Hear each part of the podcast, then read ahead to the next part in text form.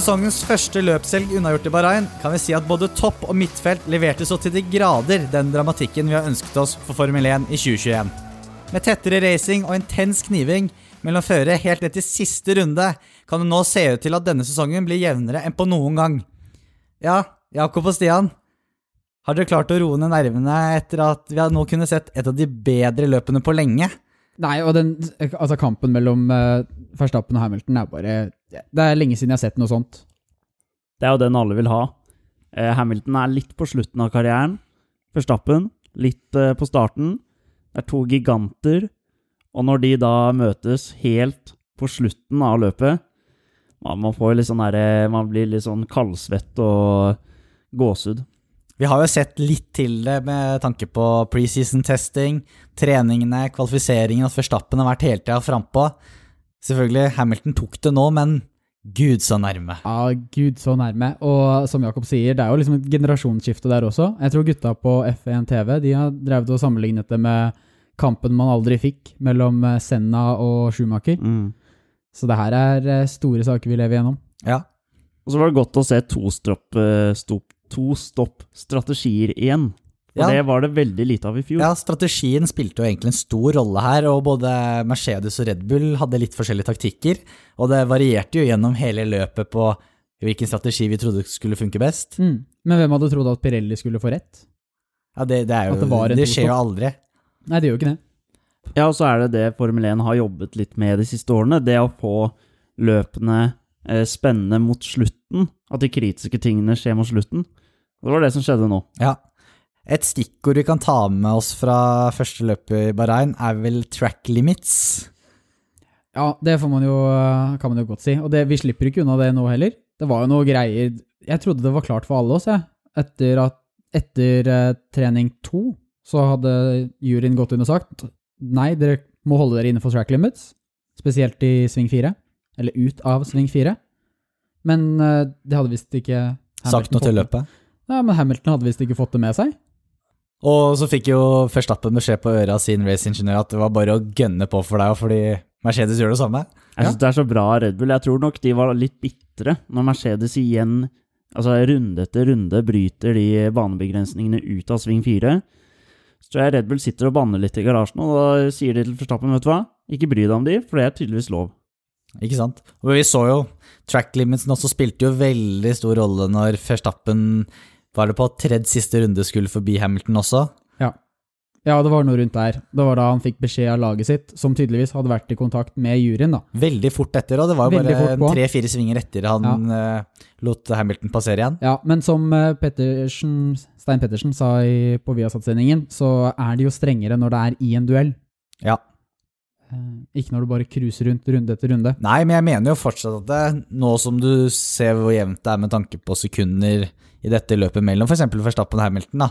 Så mange ganger Hamilton kjørte utenfor track-limiten. Det vil jo påvirke rundetidene. Ja, altså Hvis du får en tiendedel per runde, da, så det gjør mye. Så ja, det er greit at det er strengere når det er fightingen, men jeg vil si at eh, bryter du den, så bryter du den, og det burde jo Fia vært mye klarere på.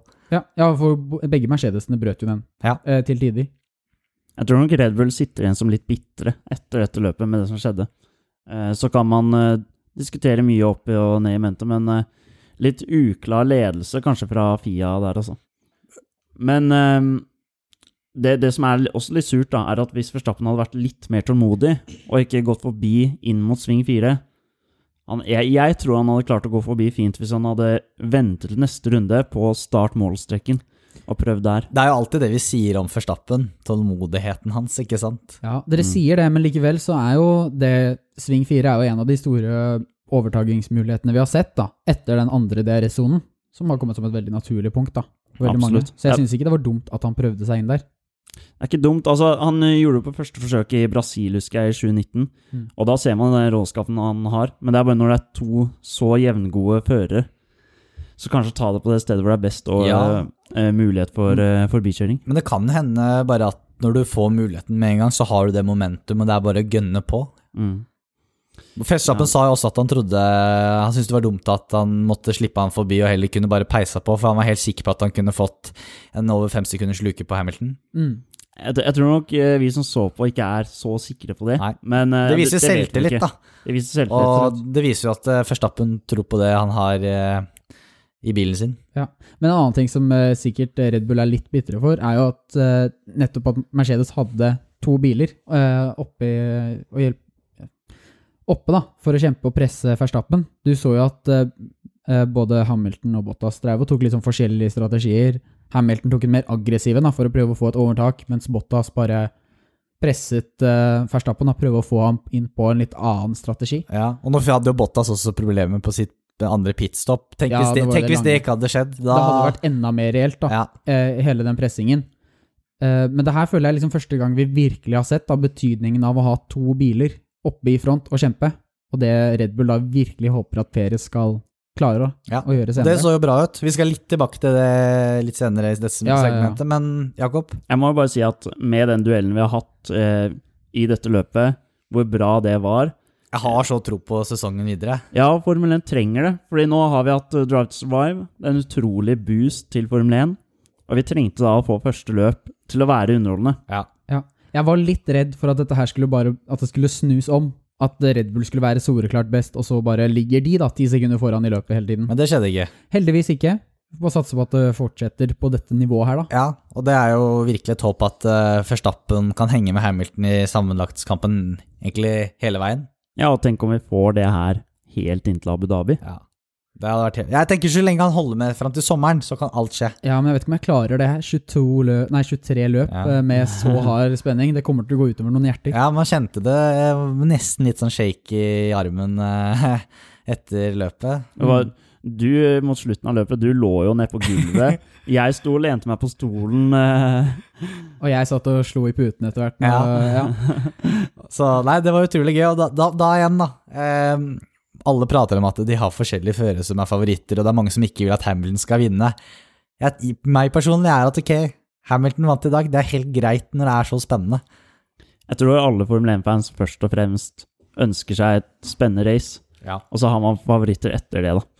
Eh, men eh, tenk at på en måte Formel 1 har vært så kul de siste årene, selv om det ikke har vært noe ordentlig fight om den eh, VM-tittelen. Ikke sant? Tenk, hvor- altså, tenk potensialet som er der, da. Men det var jo ikke bare intenst mot uh, slutten av løpet. Vi så jo allerede før start og under starten at det var rett og slett kaotisk.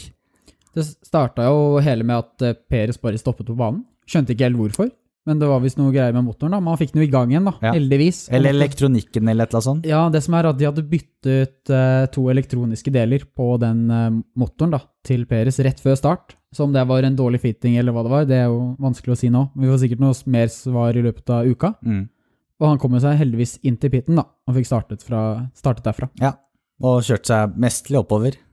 Han gjorde det, med et så sterkt uh, midtfelt som det er, så var jeg veldig bekymra for eh, Perez. At han ikke skulle klare å klatre opp, eh, havne litt i samme fella som Albon gjorde i fjor. Men eh, med utrolig god strategi, full selvtillit på Ja, den så ut, banen. han utnyttet utnyttet jo safety-caren når eh, Massepin snurra. Ikke sant? For det skjedde jo allerede på runde én, det også.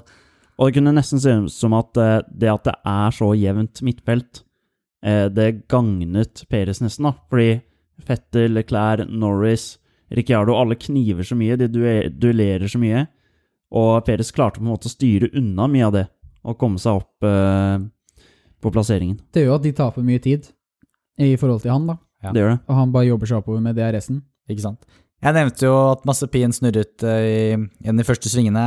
Eh, Gasly mistet frontvingen tidlig. Bahrain har vært eh, åsted for veldig mye kaotiske løpsstarter de siste årene. Heldigvis ikke like kaotisk som i fjor. Nei, Eh, og, så, så det er vi glad for at alle kom seg trygt gjennom. ja, men det var litt sånn Egentlig på samme sted når Massepin snurra, så ser du det er en hasbil som flyr til den ene siden. Da får du litt flashback fra i fjor. Ja, Det var jo ut av sving tre igjen, vet du. Ja, det var jo egentlig bare på andre siden fra der Grosjean krasja. Ja, for den, nå, han var vel litt aggressiv på gassen i dag, og så spinner rundt. Ja, Samme Mick Schumacher også spant jo bare en runde etterpå, så det virker som Haas-bilen er vanskelig å ha kontroll på. Ja, men de, den uh, svingen der var jo også flat out uh, tidligere. Ja. Uh, Nå er det jo selvfølgelig, de rookiesene har jo ikke prøvd de gamle bilene der, men eh, likevel, da. Så det er Man må være litt mer rolig på gassen. Ja. Det er stygt å si det, kanskje, men når jeg ser på sosiale medier da, hvor upopulær Massepin er, så vet jeg ikke om folk var like redd for han som om han hadde havna i en alvorlig krasj som Grosjean. Jeg tror Hvis ja, først hadde valget hadde skjedd, så tror jeg alle hadde stått der, stått der med eh, et sjokk. i. Ja, ja. Velger å håpe på det, i Ja. hvert fall. Men uh, du sa jo det med Red Bull-bilen, Jakob. At uh, du ser jo den jager seg gjennom feltet hele tiden. Mm. Uh, på grunn av den trege pitten som eh, Mercedes hadde med Bottas, så så vi også Bottas var litt inne i den eh, midtfeltkampen en liten periode. Ja. Men du ser jo, så jo også hvor fort han kom seg ut av den, ja da. og viser jo at, han, at den Mercedes-bilen er jo langt ifra en midtfeltbil. Han sa jo også etter løpet at han var skuffa. Ja. Så det er, det, er, det er jo ikke det at Mercedes tror jeg har blitt så mye dårligere, det er vel bare at Red Bull har knappa innpå. Jeg tror også det er mer det. Ja. Men så må jo sies også at de har jo tapt ganske mye. Jeg tror de tapte to, nesten tre sekunder til fjorårets eh, pole-tid. Ja, For alle lag har jo så klart blitt eh, tregere. Ja. Men man ser eh, den bilen som har tapt minst, det er Ferrari. Ja, det er vel blant, eh, blant de tregeste. Ja. Ja. Så har vel Aston Martin eh, tapt eh, ganske mye. Ja. Ja. Og Ferrari er jo absolutt oppe i midtfeltet igjen. Eh, vi kan jo gå til det videre nå. Før sesongen så var det mye snakk om hvor tett midtfeltet kom til å bli i år. Det var veldig vanskelig for oss å plassere hvilke lag som skulle havne hvor i konstruktørmesterskapet. Det blir like vanskelig å tolke det etter i dag. Du sier det, men det virker som vi har truffet sånn nokså bra. I hvert fall på McLaren. De virka veldig solide. Ja, og Ferrari, for så vidt. Ja. Og så har vi nok, ja, men så har vi nok ikke sett det beste av Alfa Tauri. Nei. Litt vanskelig helg, så jeg, jeg har øh, knalltro på de, da. At de skal komme sterkt. ja, samme med Aston Martin også. Det må ha vært en skuffende helg, rett og slett. Ja, Ja. De trenger litt tid, men jeg tror ikke de er like sterke som McLaren Nei. og ja, kanskje Ferrari. Eller Alfa Taurien. Nei, ikke sant. Men McLaren virker jo veldig solide, spør du meg. Ja, ja, ja. Det gjør de. Eh, men en som skuffer, er jo Sebastian Fettel. Litt tilbake til eh, det vi så slutten av fjor. Han virka drittlei. Bremser opp for seint og klager rundt og Ja, det var liksom en ond sirkel i fjor, da. Ja. Og så begynner den jo nå også med litt sånn uheldig start. Eh, han var veldig uheldig på kvaliken, som traff på de to eh, gulflaggene. Fikk Ja. jo straff for den ene i tillegg, så han havna jo enda lenger bak. Men han gjør liksom ikke noe bedre ut av det i løpet heller, da. Hvis du sammenligner med PRS, da, som også var langt bak eh, eh, på starten i dag. Ja, Litt dårlig gjort å sammenligne Aston Martin-bilen med Red Bull-bilen, kanskje også. Jo, jo, men fortsatt, da. Men, Aston Martin eh, var ganske høyt oppe i fjor, Ja, det var som det. Racing Point. Virker som de har tapt mer enn Red Bull, da, må Ja, det sies. ja, ja, det skal absolutt sies. Dette er jo et veldig kritisk år for Sebastian Fettel, fordi nå får vi se om hva han faktisk er laget eh, for.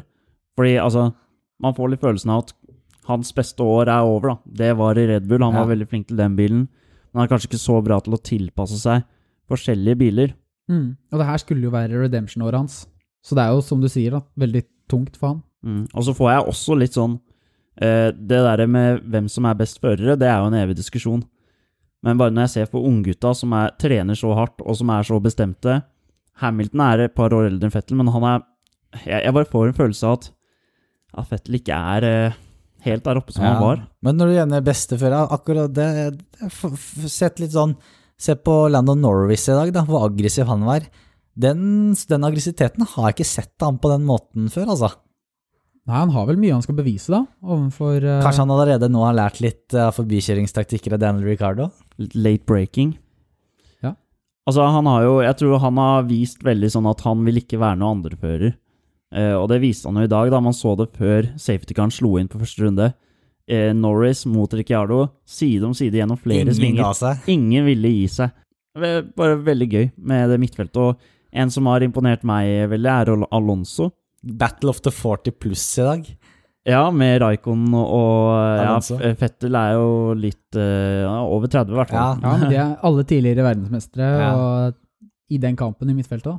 Jeg- Veldig gøy å se på. Jeg må si jeg hadde ikke store eh, forhåpninger til Alonso, men eh, han har eh, imponert så langt, i hvert fall. Kan i hvert fall runde, runde opp med å si at det her var jo et fantastisk løp, og vi håper eh, på absolutt den samme utviklingen eh, på Imola om tre uker. Du nevnte jo kåre den beste føreren ut ifra hvor gode de er. Vi har jo som eh, nevnt forrige episode i år kommet med en såkalt power ranking, der vi skal gi ut ekstra stjerner til eh, de førerne vi mener har gjort eh, den beste førerprestasjonen i denne helgen, altså da kvalifisering og løp underveis. Det vil si, har du hatt et dårlig løp, men hatt en fantastisk kvalifisering, så kan du fortsatt fortjene en stjerne. Har du noen tanker om hvem som fortjener disse ekstra poengene? Eller ekstra stjernene? Altså, jeg har jo en liste med litt forskjellige førere som jeg tenker kunne fortjent én, to eller tre stjerner. Ja. Eh, og på, skal jeg ta toppen først, eller bare Du kan ta toppen, ja. hvem jeg mener? Ja. Eh, etter det løpet vi ser fra Peres, så tenker jeg at han skal øverst. Ja, Starter fra pitten ja. og jobber seg opp til femte. sagt, eh, Fjerde, fjerde, Fjerdeplass. fjerdeplass var det, Ja. stemmer. Jeg har også satt han på førsteplass. Virker som han trives veldig godt på banen i Bahrain, Helt Ja, han gjorde, gjorde noe av det samme i fjor også. og bare jobber seg jevnt og trutt oppover. Dog eh, ikke en veldig god kvalikan, selv om det var litt eh, Red Bull må nok ta den eh, litt på sin kappe, de òg. Ja, for de sendte han ut på mediumdekk. Men det er jo noe Førstappen klarer. Ja, det er det, men det var kanskje litt optimistisk. Han er jo første kvaliken i Gi det liksom Ja. fire-fem løp før du begynner med det, kanskje, da. Ja, jeg, ja. Jeg jeg, tenker, jeg tenker jo det er viktig, Hvorfor gjør Red Bull det i det hele tatt? Det er jo mye viktigere for de å heller putte på soft, få han til Q3, og så få han heller høy plassering i Q3, sånn at han kan eh, bygge selvtillit, enn å ta sånne sjanser. Ja, jeg er helt enig med Nerstad der. Men jeg syns løp, løpsprestasjonen hans i dag trumfer alt. Altså, han havner jo bakerst ikke pga. sin egen feil. Det var jo noe som skjedde med motoren også. Ja. Eh, så derfor er jeg også litt sånn Det var ikke en dårlig første runde av han som gjør at han havner langt bak. Vet du hva, jeg er med på Peres på tre stjerner. Tre stjerner. Ja, jeg er med på den. Setter vi han Ja. på toppen. To stjerner, da. For meg så må det nesten kanskje bli enten Hamilton, eh, Verstappen eller Sonoda. Ja. Hamilton fordi han viser seg igjen eh, som Jeg vet ikke om eh, Mercedes var den beste bilen i dag, eh, men han er jo kjent for å måte, Han blir klandret for å alltid ha den beste bilen. Det var ikke veldig tydelig i dag. Allikevel så klarer han å dra inn den seieren. Og Mercedes tror jeg aldri har jublet så mye for en seier. Så jeg må si Hamilton. Mm. Eh, Verstappen med en så sinnssykt sterk kvalik. Fire tideler, hvis vi skal runde opp. Ja, det foran. Hamilton. Ja. Det er så sterkt. Og er, han må bare være litt mer tålmodig, kanskje, i neste um, Framover. Altså. Um, Sonoda, ikke den sterkeste kvaliken, men han henter seg opp. Ja, Ja. 13. til 9. plass. Jeg har også ført Sunoda opp som en uh, mulig uh, Dog er jeg litt usikker på andreplassen der, med to stjerner. Jeg satte opp uh, Norris uh, på grunn av han gjør et solid løp Og en god kvalifisering. og god kvalifisering. Havner bak uh, Ricciardo på kvalifiseringen. Men så er jeg litt usikker på om er det der bilen til McLaren ligger, og er det egentlig Leclerc som gjør bare en sinnssykt god jobb i bilen? Jeg tror det er en kombinasjon, da. Ja. Så jeg er litt usikker der, for jeg syns også Leclerc gjør et strålende løp. Eh, og så har jeg også tatt opp Gasli, men det er bare for kvaliken han Men gjør. Da. Tenker du på andreplass nå, eller bare generelt? Nå har jeg bare tatt eh, alle sammen, for Ja. jeg var litt uh, usikker på hvem jeg skal plassere hvor. Ja, for en annen jeg har, da, som jeg syns leverte en positiv prestasjon, da. Eh, kom inn til Q3 i helgen, eller på kvaliken. Fernando Alonso. Hadde også et godt løp helt til han måtte bryte. Ja, ha- had, eh, ja han ligger jo i midtfeltet. Ja. Jeg syns ikke han gjør noe sånn spesielt godt løp, egentlig. Han ligger jo der han Nei, men jeg syns det var positivt. Ja, det var positivt for å være første løpet på lenge. Ja. Men jeg mener, eh, jeg mener er Norris på to stjerner. Jeg ble litt usikker nå når Jacob dro opp Hamilton, for han tenkte egentlig ikke på. Eh, Men jeg er egentlig mer enig med Hamilton. At han gjør et solid løp i det som da virker til å være nummer to-bilen. Ja. Jeg, jeg må nok stemme på Hamilton, ja. Da blir det Hamilton på to stjerner, da. Ja. Tre stjerner, hvem får den, da? Nei, én stjerne, mener jeg. Ja. Er det Norris, eller er det Verstappen? Eller Leclerc, for eksempel? Det er vel de tre det kanskje står mellom. Synod Ja, for meg så blir det Verstappen. Jeg vet det Ja. er, den er litt kjedelig. Um, Det var jo, altså Forstappen leverte jo helt inn til døra i dag. Han gjør, det, han gjør en god eh, kvalifisering, som vi har vært inne på. Han, Ja. Jeg syns jo ikke han gjør noen særlige feil. Det er jo han gjør kanskje én tabbe, da. Det koster han i hvert fall seieren. Ja, dere sier gjør en ut av sving fire, men det er, det er fortsatt en, en solid over... Eller mulighet, da. Jeg vil ikke si det var en feil, han var bare for, litt for ivrig, kanskje. Så var han litt veldig Han, han går jo Han går jo wide, da. Ja, så ut av kjører svingen, så han Hamilton kjører jo ut, da. ja, Hamilton kjører han jo hardt, da. Mm. Så Det er jo en, det er jo en førerfeil. ja, ja. Men det er, det er greit for meg med en stjerne på Forstappen. Jeg kunne også vært med på en stjerne til Verstappen, og så da har Leclerc, Norris og Tsunoda liksom på en eh, delt fjerdeplass liksom Ja. bak, Ja. bak her, da. Skal vi si det, da? Verstappen Så på, på første power-rankingen fra Lights Out, så er det da tre stjerner til Perez, to til Louis Hamilton og én til Max Verstappen. Da sier vi det. Det er, den, det er en tre fine førere. Så det er noe vi også kommer til å poste på Instagram og Twitter og kanskje. Og prøve, Det å skal vi få til. Ja, og prøve å holde det her eh, som en litt sånn scoring gjennom eh, sesongen, så vi kan Ja. se hvem som er rett og slett den beste føreren. kåret Eh, av oss, uoffisielt. uoffisielt, ja. Ja, og uhøytidelig. ja. Og så er det bare for dere lyttere å slenge dere på i kommentarfeltet på de sosiale mediene vi legger det ut på, hvis dere har noen andre innvendinger. Det er alltid gøy. Det er også noen andre som har kjørt løp i Bahrain denne helgen. Gutta i Formel 2-sirkuset. Ja, eh, det gjorde de. Og de har jo et litt nytt eh, opplø oppsett nå. At de har to sprintløp og et eh, featureløp, da, eller langløp, som vi har valgt å kalle det her.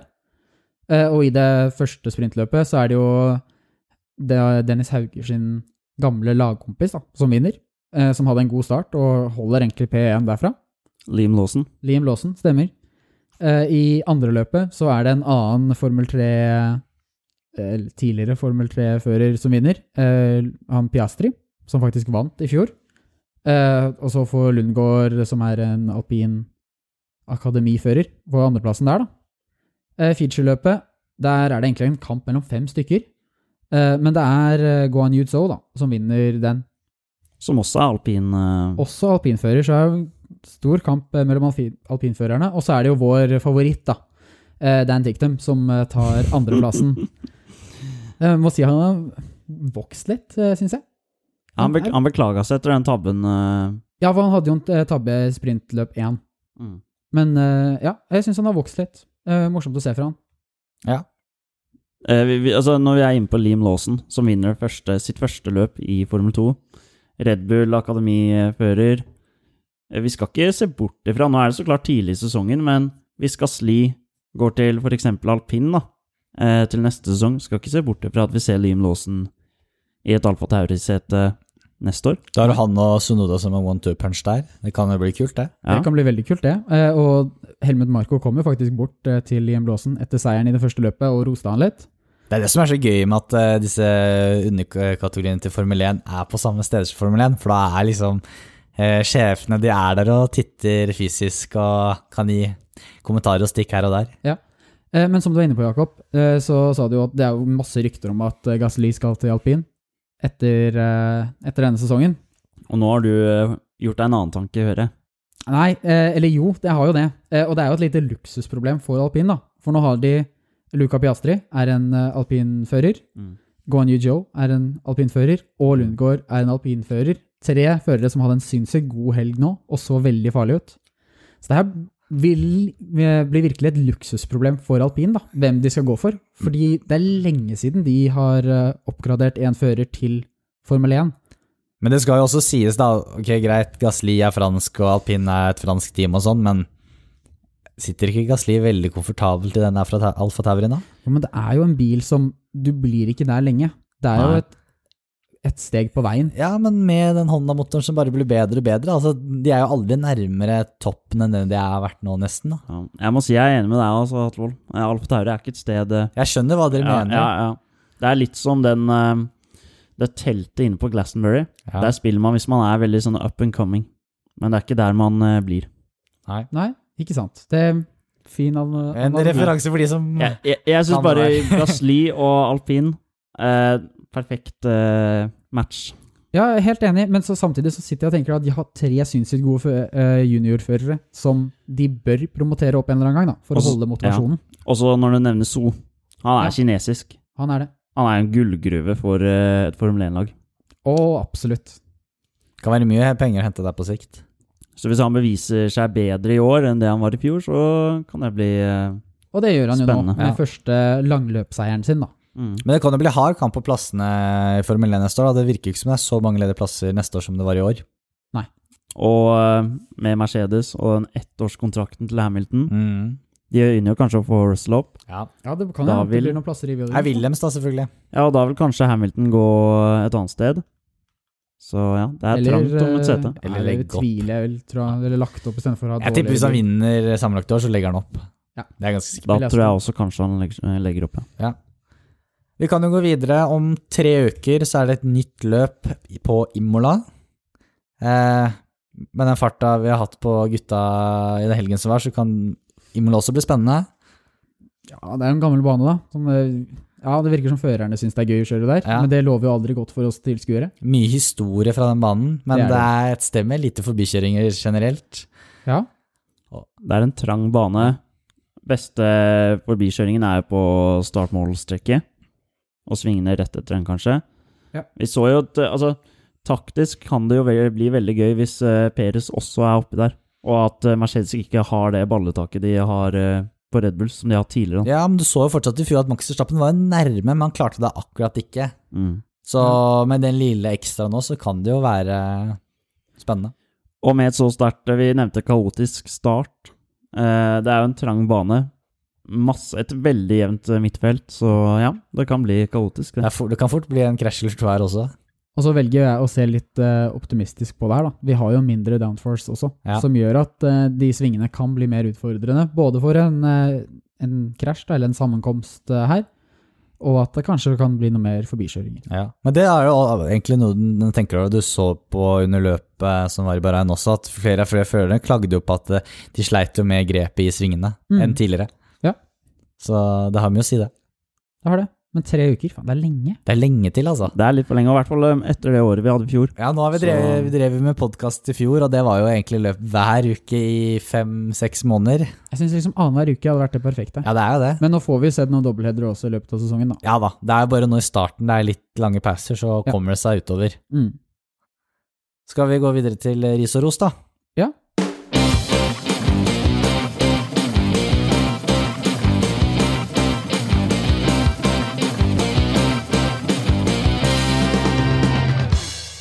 Ris og ros. Vi kan da starte med ukens ris. Som alltid. Hvem fortjener litt ekstra spank på rumpen? Litt ekstra spank på rumpen. Kan jeg få lov å begynne? Selvfølgelig. For jeg har lyst å rise, og dette er en stor ris Jeg har lyst til å rise alle motorsportmedier eh, i verden for at de har melket dette med hvordan testingen gikk, og hvor dårlig Mercedesen var, og alle spådde at eh, kanskje at Red Bull skulle være langt foran, og kanskje Mercedes på nummer to. Og det har jo bare vist at det går ikke så dårlig for Mercedes. Nei, men jeg tenker Toto Wolff, han har jo bare fyrt opp under det, da, og sagt at eh, Hva var det han sa? Det beste scenarioet er at vi er likt med det innen le- eller annen, et eller annet løp uti i sesongen. Jeg må si, altså, vi andre blir jo veldig nysgjerrige på Mercedes, vi også. Ja. Det er litt naturlig at Mercedes eh, At media også prater om det, men Men jeg syns dette her bare er liksom trenden til eh, medier generelt. da. At de skal ha klikkene sine, og så bare hyper de opp én ting sånn sinnssykt, sånn at de vil at så mange skal teste, trykke inn på den linken som mulig. Ja, apropos clickbait, jeg kan bare nevne det som sto på TV2 etter løpet i dag. Vil dere høre det? Ja, kjør på. Der sto det er bilde av Forstappen og Hamilton. Så står det Forstappen hadde seieren i lommen, så slapp han Hamilton forbi med vilje. Ja, ikke sant? Det er en veldig Det gir jo ikke hele storyen, det. Absolutt ikke. nei. Det er litt sånn når eh, medier prøver å skrive om noe de ikke skriver så mye om, da. Og gjerne noe ikke alle har eh, super peiling på. Men eh, det er jo Ja, vi får bare glede av oss over at de faktisk skriver Ja, for det, om det. vi, vi hadde jo det som en av våre første riser i forrige sesong. Ja, og det skrives jo første. mye mer om det nå. Ja. Enn det du, enn det du gjorde da. Absolutt. Men det er i hvert fall min ris Ja. til alle motorsportmedier. Ja, Jakob? Ja, det er en hard ris. Jeg har en ris til uh, Massepin. Eh, ikke fordi det er uh, Massepin. Eh, det er bare handlingen. Ja. Det er litt Massepin også, da. Få høre. Litt. eh, I kvaliken så kjørte han da eh, forbi eh, førere i siste sektor, altså i, på outlappen, eh, noe som der da er brudd på litt sånn eh, gentleman agreement, da. Så det er jo Ja. ikke noe regelbrudd sånn sett. Eh, fordi det er viktig å skape litt luke til hverandre, ha litt vann mellom båtene, før man skal ut på da en hotlap. Ja. Han kjører forbi, eh, og spinner jo ut eh, rett etterpå. Det blir da gulflagg, og han ødelegger da kvaliken til eh, førerne. Ja. Noen av de, Ja, spesielt Fettel, ja. Spesielt. Fettel og Con. Ja. Veldig kritisk, fordi man så jo hvor mye alle førerne forbedrer seg fra første til andre forsøk i Q1. Ja. Så jeg må si en, en bra Altså, hadde han ikke spint, så hadde han ikke gjort så mye. Men uh, ja, Det er masse spinn. en klar is på Så- masse spinn, ja. Så bare for å gjøre det klart, da, så den gentleman's agreementen er at du ikke får lov å passere i siste sektor. Sånn som jeg har skjønt det. Ja, ok, Så det er ikke Mm. siste sektor og spinne, det er bare den. Du skal ikke kjøre forbi siste, siste sektor. Ja, Nei, men, det blir ekstra mer ille når du spinner. sant? og Ja, ja, ja, klart det, men jeg bare Ja, Jeg vil gjøre det klart, ja. Ja. Mm. Nei, min ris går til Fia, og usikkerheten rundt track-limiten i utgangen av sving 3 det var sving fire. Sving 4, ja. Sving 4, ja. Mm. Beklager. Det var veldig mye surr, og du så det ble toneangivende til slutt også. Ja, det, det ble jo det. Og det er jo smertefullt å si det her en gang til. For jeg trodde Jeg håpet vi var ferdig med det her i fjor. Ja. Men nei. Little Mercedes òg, eller? Ja, ja, ja. Ikke, altså at Hamilton bare runde etter runde Men At de ikke har fått det med altså, de seg. er kyniske og utnytter et system, da. Så det, Me- Mest til Fia, helt enig. ja, og så tenker jeg generelt, da, hvorfor ikke bare legge gress på utsiden, da? Så, så kjører de ikke ut der allikevel. Ja, jeg tenkte alltid grus, men grus gjør jo potensialet at uh, Banen blir full av grus. Ja, gress er jo bedre, så Ja. jeg er enig med deg med litt gress. Se, se Østerrike, da. Der er det jo gress. Ja. Det er jo perfekt. Litt Mm. lettere å uh, ta vare på gress i Østerrike, da, i de østerrikske dalene. Vet du hva, Jakob, det er et veldig godt poeng. Eh, Kanskje grus er bare ens beste løsning. Ja. Eller bare en sandpit. Ja. Ta en golf. Men ta bare- heller grus istedenfor asfalt, da. Ja, ja, ja. Ja, for sånn som ting er nå, selvfølgelig må vi ha banebegrensninger, men Mm. det er så uryddig da, fra Fia, eh, med det at de skal endre det først. Og så, når det da blir surr i Grand Prix, noe som er ganske utrolig, at de ikke klarer å være mer konsekvente. ja, jeg håper dette her blir tatt opp på den eh, De pleier alltid å ha sånn debrief etter Det kommer garantert til å være et tema. Ja, så det, det må de jo gjøre. Men hvem er det som fortjener ukens ris? Altså, det er Jeg syns det er ille å si dette her og, igjen denne sesongen, men jeg går for din, Ørstad. Banebegrensninger. Det må være tydeligere. Ja, den ble litt mer utslagsgivende, ja, enn uh, en massepinn uh, som spinn. Så Ja. For Fettel dreit jo seg ut Ja. i løpet også. Ja, Og massepinn, han, han har fått mye ris fra før, Ja. så da, da kan vi ta det til Så eh, da, da sier vi at eh, Fia kan ta med seg denne risen inn på kontoret når de skal gå ha den debriefen. De har jo, eh, jeg tror det er fra 2017, det Ja. ligger litt ute på YouTube, så ligger det flere sånne der eh, briefer da, hvor alle førerne og noen raceingeniører eh, sitter da med sikkerhetssjefen, han Charlie, han som var før. Men det er gjerne før løpene, tror jeg. Det er før løpene, ja. Ja. Eh, og det er veldig gøy, for det er, det er litt, sånn, litt som en klasse på barneskolen, at det er forskjellige personligheter. da. Ja. Han har Grosja, han sladrer litt, og til Hamilton og litt sånn. Og Og, Fettil skal alltid kødde. og så har vi da eh, Bottas, som ikke turte å si noe høyt, så Ja. han bare hvisker det til Massa, som er eh, lagkompisen ved siden av. Da rekker Massa opp hånda, og da sier at ja, Peres gjorde sånn og sånn og sånn. Og så spør Charlie da er dette sant, Peres? Og så sitter han bare og gaper og vet ikke helt hva han skal si, da. Så de, de er veldig morsomme. Ja. Men i hvert fall, ukens ris går til Fia for eh, usikkerhet rundt track limit. Soleklar. Soleklar. Hvem er det som skal fortjene litt ekstra ros? Uh, ja. Eh, min ros går faktisk til uh, Bahrain GP. Eh, for det ble sluppet en nyhet tidligere denne uken at de skal bli drevet 100% av fornybar energi.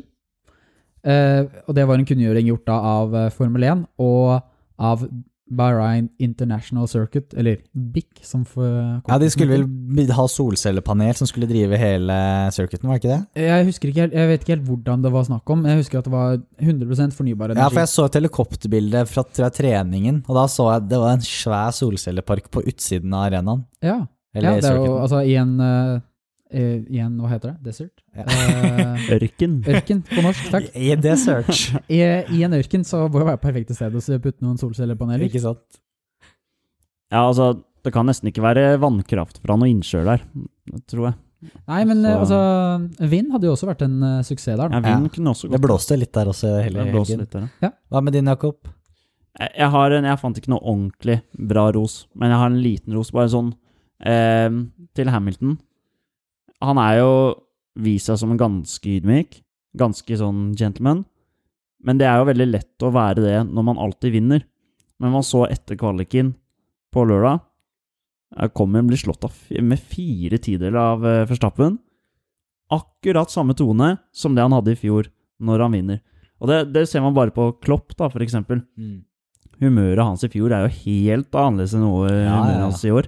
Tærer på å tape for klubb. Ja, for alle har jo rost Åh, Klopp, han er så omgjengelig kul fyr. Det er jo lett å være det når man bare vinner. Ja, ja. Så jeg må si en liten uh, ros til Hamilton der for å være samme classy fyren. Ikke sant? Ja, min går til faktisk Max Verstappen. Jeg var sikkert litt deppa for en andreplass, men jeg syns han eh, bare rett etterpå, når han takket Hamilton for kampen, og i intervju med David Cutter, var det vel? Var det ikke Jensen? Jensen jo, Jensen Button og David Cutter var det i går. De bytter litt på. Ja. Ja. Uh, syns jeg svarte veldig voksen for seg. Det virker som han ja, rett og slett har blitt mer voksen, ikke så grinte lenger, da. Så det kommer seg. Kommer seg. Så hvis han får være med litt mer i Drive to Survive, så kanskje han blir litt mer likt. Ja. Men altså, jeg syns denne her også er helt klar. Det er uh, Bahrain uh, International Circuit og 100 fornybar Ja. som eh, Det, det er en veldig bra eh, ros, men også litt sånn politisk korrekt, da. Ja, ja, Ja, ja. men nå har disse eh, Midtøsten-landene fått så mye ris i det siste, så nå er det bra at de kan ha gjort noe godt, da. Ja, så må jeg si at Bahrain har jo blitt litt sånn eh, på en måte Formel 1 sitt hjem da, de siste tiden. Det er veldig lett å ha Formel 1-løp der, ja. i forhold til mange andre løp i disse Altså, tider. da. et tips det er bare å kaste ut Barcelona, eller heller ta preseason-testing av Bahrain. Det så ut som det funket så smooth. Ja, eh, bortsett fra det med sand og litt sånn, da. Ja, greit, da. Litt sånn, eh, ja. Ja, Da ville jeg heller hatt testing på en bane som de ikke kjører Formel 1 på aktivt. Jo, det kan du også si, da. Men eh, ja, det er veldig, veldig fint at man kan ha at det er så lett å ha løp der, da, i Ja. Bahrain. Men skal vi si at ukens ros går til Bah- Bahrain International Circuit, da? Vi gjør det. Ja, Jeg syns det. Ja. Klar tale. Da var vi vel egentlig gjennom det vi skulle i dag. Ved veis ende, som de sier. ved veis ende. Får vel si at vi håper inderlig at disse neste løpene som kommer i månedene fremover, har like mye intensitet som vi har sett eh, fra Bahrain. Jeg må si jeg gleder meg. Jeg tror aldri jeg har gledet meg så mye til et løp som det jeg gjorde til Bahrain. Eh, man bare merker den der hypen med Red Bull og Mercedes. Duellen mellom Hamilton og Forstappen. Midtfeltet. Midtfeltet og Alonso og en Schumacher junior. Og så er det så deilig at det bare innfrir, da. Ja. Det er jo det største her. Ja, det, det gjør det jo veldig- Det gjør det jo veldig gøy for oss å spille inn pod. Ikke sant? Ja. Og med det så sier vi takk for nå, og så ses vi igjen om tre uker. Det er litt for lenge. Litt for lenge Litt for lenge, men det gjør vi. etter løpet på Imola. Ha det bra. Ha det bra.